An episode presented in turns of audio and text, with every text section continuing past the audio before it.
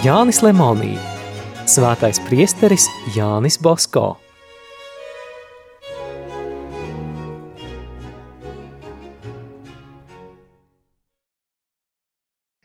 14. martā Pīs 9. sūtīja monsignoru de Merodī lūgt priesteri Bosko, lai viņš vadītu vairāku dienu rekolekcijas cietumniecēm, kuru cietums atradās netālu no eņģeļu karalienes bazilikas.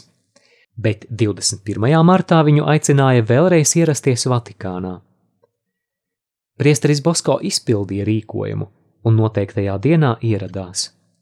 Pīs 9. viņu pieņēma ar tēvišķīgu mīlestību un apsolīja, ka Bosko dibināmajai kongregācijai viņš ļoti labprāt piešķiršot dažādus atvieglojumus.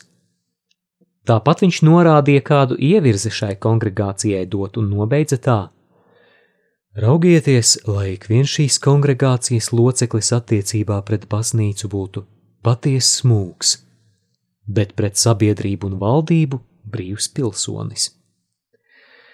Priesteris Bosko viņam kautrīgi sniedza savas kongregācijas pamatstatūtus.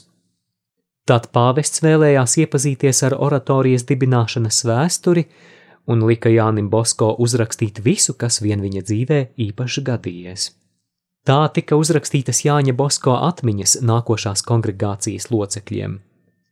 Klausīdamies Bosko stāstījumā, pāvests viņu pēkšņi pārtrauca un pajautāja: Kāda zinība jums visvairāk patīk? kuru nozari jūs mācāties ar sevišķu patiku. Svētais tēvs priesteris Bosko paskaidroja: Man zinātnes templis ir ļoti šaurs. Tomēr es varu pasakīt, ka man patīk visvairāk viena zinātne - scīre Jēzum Kristum et nunc crucifixum - pazīt Jēzu Kristu krustā sisto.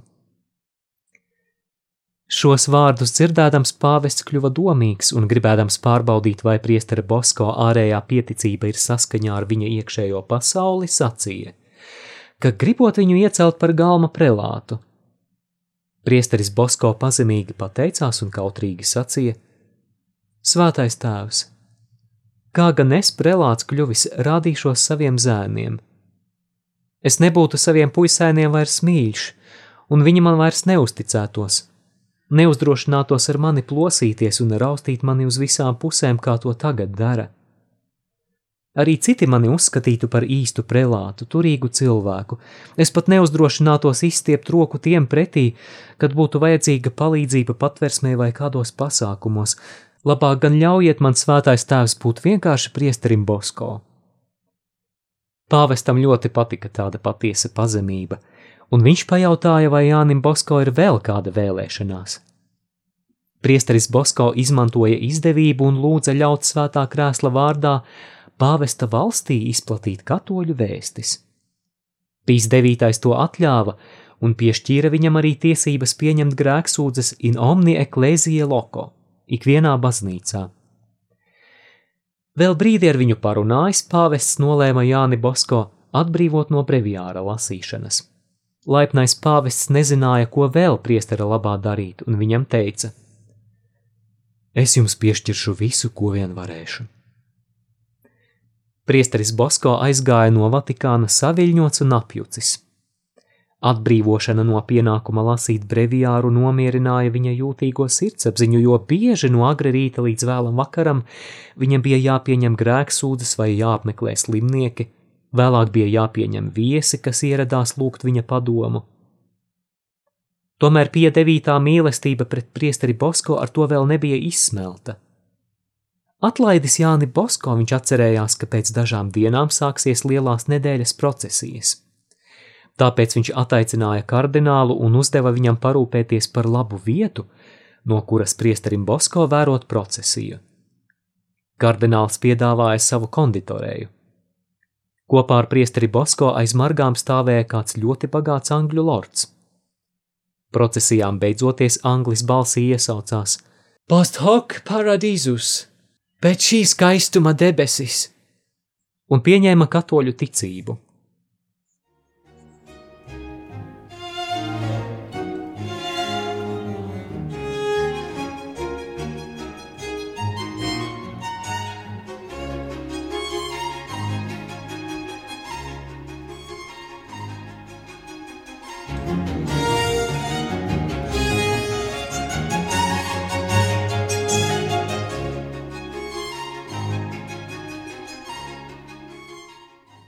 4. aprīlī Lieldienās ap pulksten desmitiem pīs devītais ieradās Svētā Pētera bazilikā. Pēc mises kardinālu un bīskapu pavadīts, viņš no bazilikas ložas deva svētību Urbi et Orbi, pilsētai un pasaulē. Priesteris Bosko ar kardinālu Marīnī ieradās pie pašas ložas malas. Kardināls viņu palaida savā vietā un roku izstiepis teica: Skatieties, kāds skats! Jānis Bosko palūkojās lejup uz svētā Pētera laukumu, kas bija pilns un pilns ļaužu. Viņš to vērojot sevi aizmirsa. Viņš pat nejuta, ka viņu kardināls bija atstājis un atguvās tad, kad vairs nebija iespējams šo vietu atstāt. Pāvesta drēbes aizskāra viņa galvu, bet kāja pieskārās viņa labajam plecam. Pāvestam parādoties laukums apklusa. Kad augšu pacēlās viņa roka, cilvēki visi kā viens nometās ceļos izdarīja krusta zīmi, un tad kā jukuši sāka aplaudēt. Kad priesteris Bosko piecēlās, pāvesta vairs nebija. 6. aprīlī priesteris Bosko atkal devās uz Vatikānu. Pīs 9. redzēdams viņu ienākam, izlikās viņu baram. Svētais tēvs, jautri atbildēja Bosko, es tur biju netīšām. Ja kaut kā esmu jūs apvainojis, pazemīgi lūdzu piedodiet. Tā gan lec vēl pāvestam acīs, jautādams, vai nav apvainojis. Jānis Basko paskatījās pāvestam acīs un redzēja, ka viņš ir tēvišķīgi līksms. Pāvests pīs smējās un jokoja tālāk.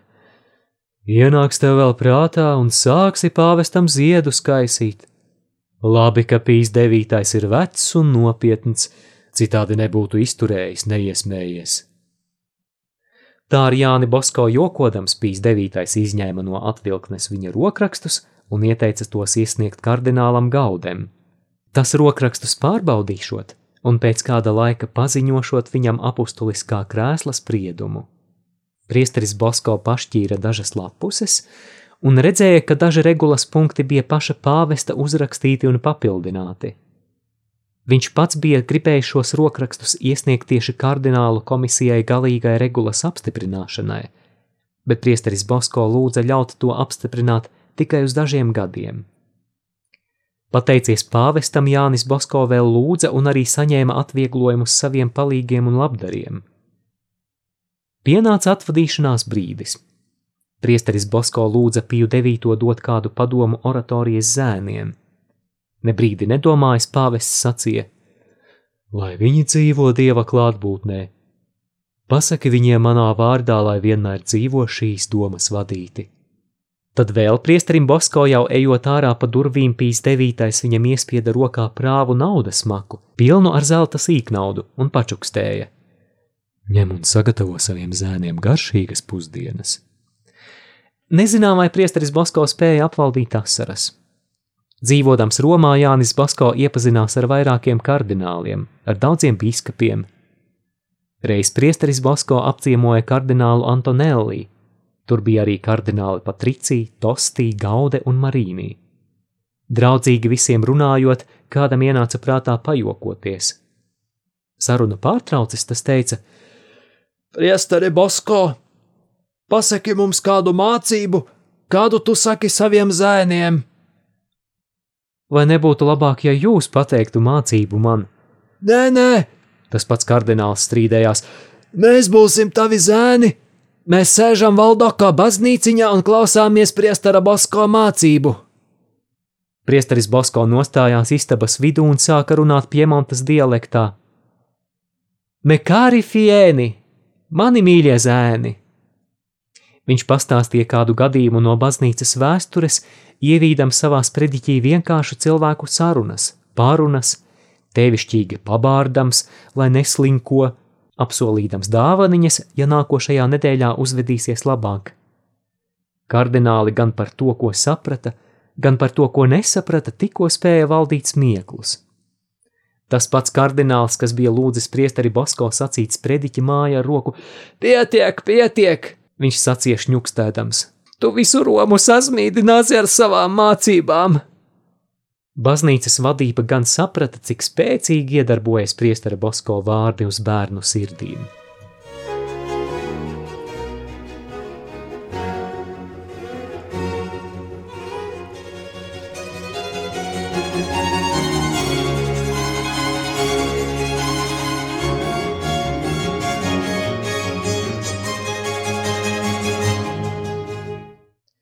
Čakli izpildot savu programmu, Bosko bija iepazinies ar visām kristīgās Romas nozīmīgākajām vietām.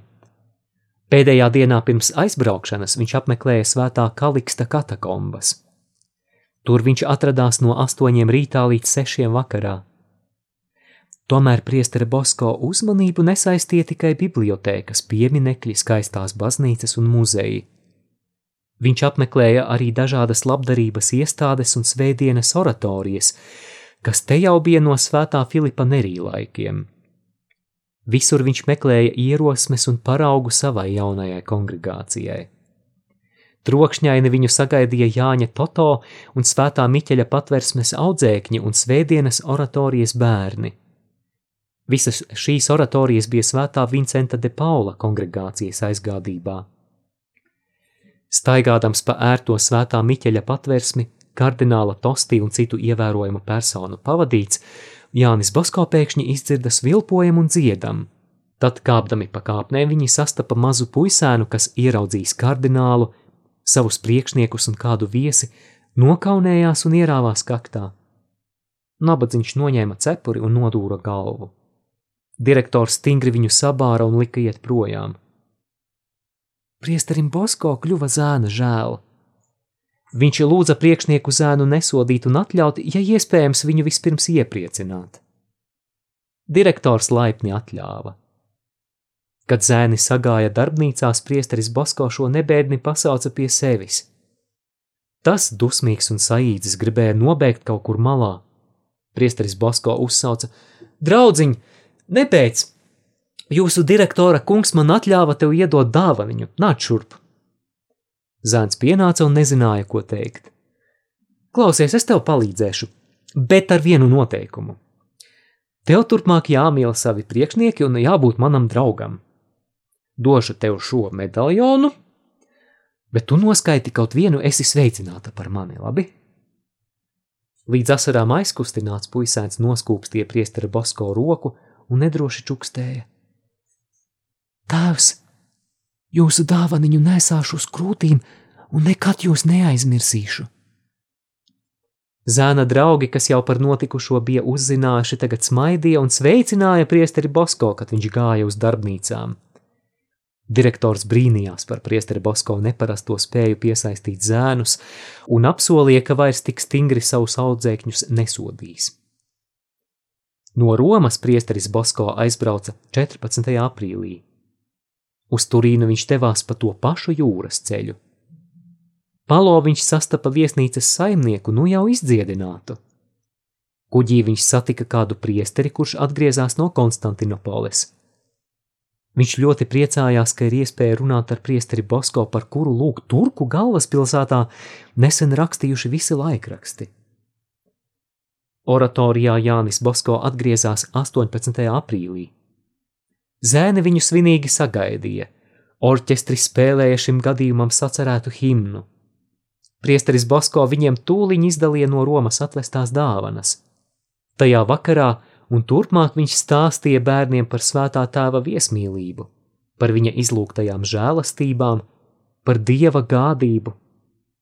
Viņš sarīkoja garšīgas brokastis visu triju oratoriju audzēkņiem – Mielasts notika 24. jūnijā priestera Bosko vārda dienā. Starp garīgajām žēlastībām, ko Jānis Bosko izlūdza no pāvesta pie 9.